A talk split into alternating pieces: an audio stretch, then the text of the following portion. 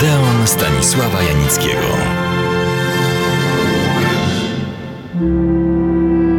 Przed tygodniem rozpocząłem opowieść o jednym z najgłośniejszych procesów Polski przedwojennej i o filmie, który był jemu poświęcony, a miał swą premierę w 1977 roku. Zamordowana została 17-letnia córka inżyniera Zaręby, a o tę zbrodnię oskarżona została Rita Gorgonowa. Kim byli uczestnicy tego dramatu? Inżynier budownictwa, architekt Henryk Zaręba, ceniony przedsiębiorca, właściciel kilku firm budowlanych. W chwili dokonania zbrodni żonaty był już od 20 lat. Małżonkowie mieli dwoje dzieci: 17-letnią córkę Elżbietę, zwaną Lusią, i 14-letniego syna Stasia. Inżynier uważany był i słusznie, za człowieka majętnego. Najlepszym tego dowodem była piękna, duża willa, jaką posiadał w Brzuchowicach, prestiżowej miejscowości letniskowej na obrzeżach Lwowa. Żona inżyniera Zaręby miała kłopoty ze swoim zdrowiem, przede wszystkim psychicznym. W końcu roku 1923 mąż umieścił ją w zakładzie zamkniętym w Kulparkowie. Inżynier Zaręba zdawał sobie sprawę, że dzieci bez matki czy opiekunki nie mogą żyć, a on do funkcji opiekuna się nie nadawał. Szukał więc, niezbyt zresztą intensywnie, kogoś, kto mógłby się jego dziećmi, a także i domem zająć. I pewnego razu, kupując w lwowskiej cukierni słodycze dla swych dzieci, spotkał i poznał Ritę Gorgonową. Ona tam pracowała. Kim była? Urodziła się w Dalmacji w roku 1901. Jej pełne imię i nazwisko brzmiało Emilia Margarita Gordon z domu Ilicz. Kiedy Rita liczyła 15 wiosen, została żoną porucznika armii austriackiej Erwina Gorgona. Mając 17 lat, urodziła syna i małżonkowie przeprowadzili się do Lwowa. Cztery lata później mąż i ojciec wyjechał do Ameryki za chlebem i słuch wszelki po nim zaginął. Słuchacie Odeonu Stanisława Janickiego w RMF Classic. Rita popadła w konflikt ze swoimi szwagrami. Twierdzili oni, że żyje ona niemoralnie, wobec czego wyprowadziła się, zostawiając małego syna na wychowaniu u teściów. I znowu dwie wersje.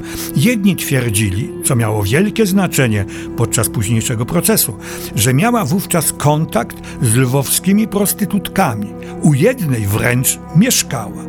Inni podkreślali, że uczęszczała na kurs pielęgniarski, zarabiała opiekując się dziećmi, a w końcu dostała pracę w cukierni. I tu poznał ją inżynier Zaręba. Miał wtedy 41 lat, a żona przebywała już w zakładzie psychiatrycznym, o czym już wspomniałem.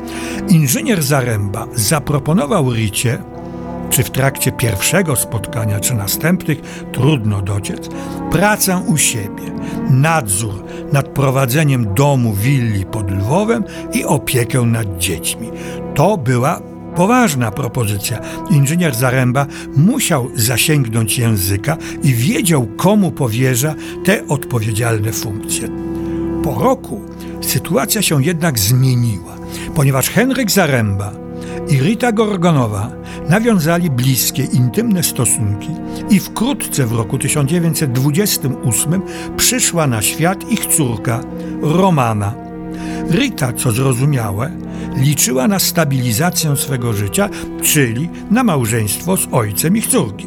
Natomiast inżynier Zaręba nie kwapił się jednak z zalegalizowaniem swego związku z Ritą. Co więcej, zapowiedział, że zamieszka z dziećmi w swoim mieszkaniu lwowskim. Sytuacja stawała się napięta i groziła jakimś wybuchem. Lusia, najstarsza córka Zaręby, zaczęła traktować Ritę jak intruza, uzurpatorkę do roli matki i małżonki ojca.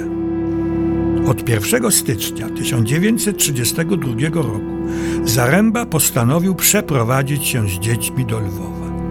W nocy z 30 na 31 grudnia 1931 roku znaleziono najstarszą córkę, Lusię, nieżywą w jej łóżku. Przy czym nawet pierwszy rzut oka wystarczył, by uznać, że śmierć nastąpiła na skutek czynników zewnętrznych i w sposób gwałtowny.